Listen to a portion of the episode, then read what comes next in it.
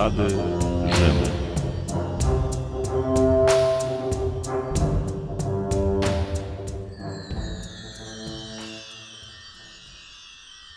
Tury Juliusza Cezara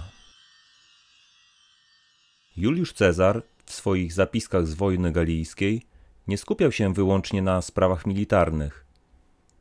Jako człowiek ciekawy świata opisywał również nieznane mu wcześniej fakty z życia Galów i Germanów.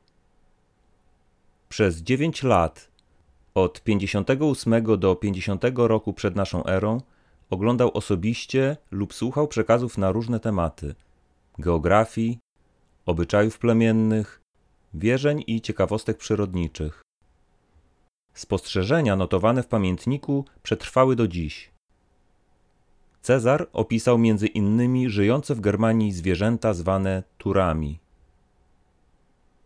Kształtem i umaszczeniem przypominały byki, natomiast ich wielkość Cezar określił notując, iż są nieco mniejsze od słoni, które z pewnością widział już wcześniej. Tury były zwierzętami żyjącymi wyłącznie na wolności, nie do oswojenia. Nawet jeśli udało się je schwytać i próbować oswoić młodego osobnika. Ogromne, rozłożyste rogi według Cezara znacznie różniły się od rogów zwyczajnych byków. Cezar wspomniał też o ogromnej sile, szybkości i dzikości tych zwierząt, które nie oszczędzają, jak dojrzą, ani człowieka, ani zwierzęcia. Germańska młodzież plemienna polowała na tury, zastawiając na nie zmyślne pułapki zapadnie.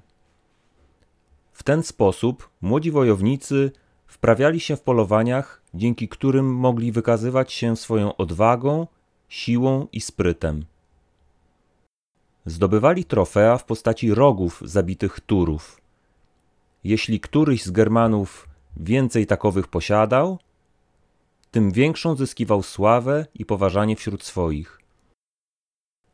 Rogi turów ozdabiano srebrem i od tej pory służyły jako puchary podczas największych i najważniejszych uczt.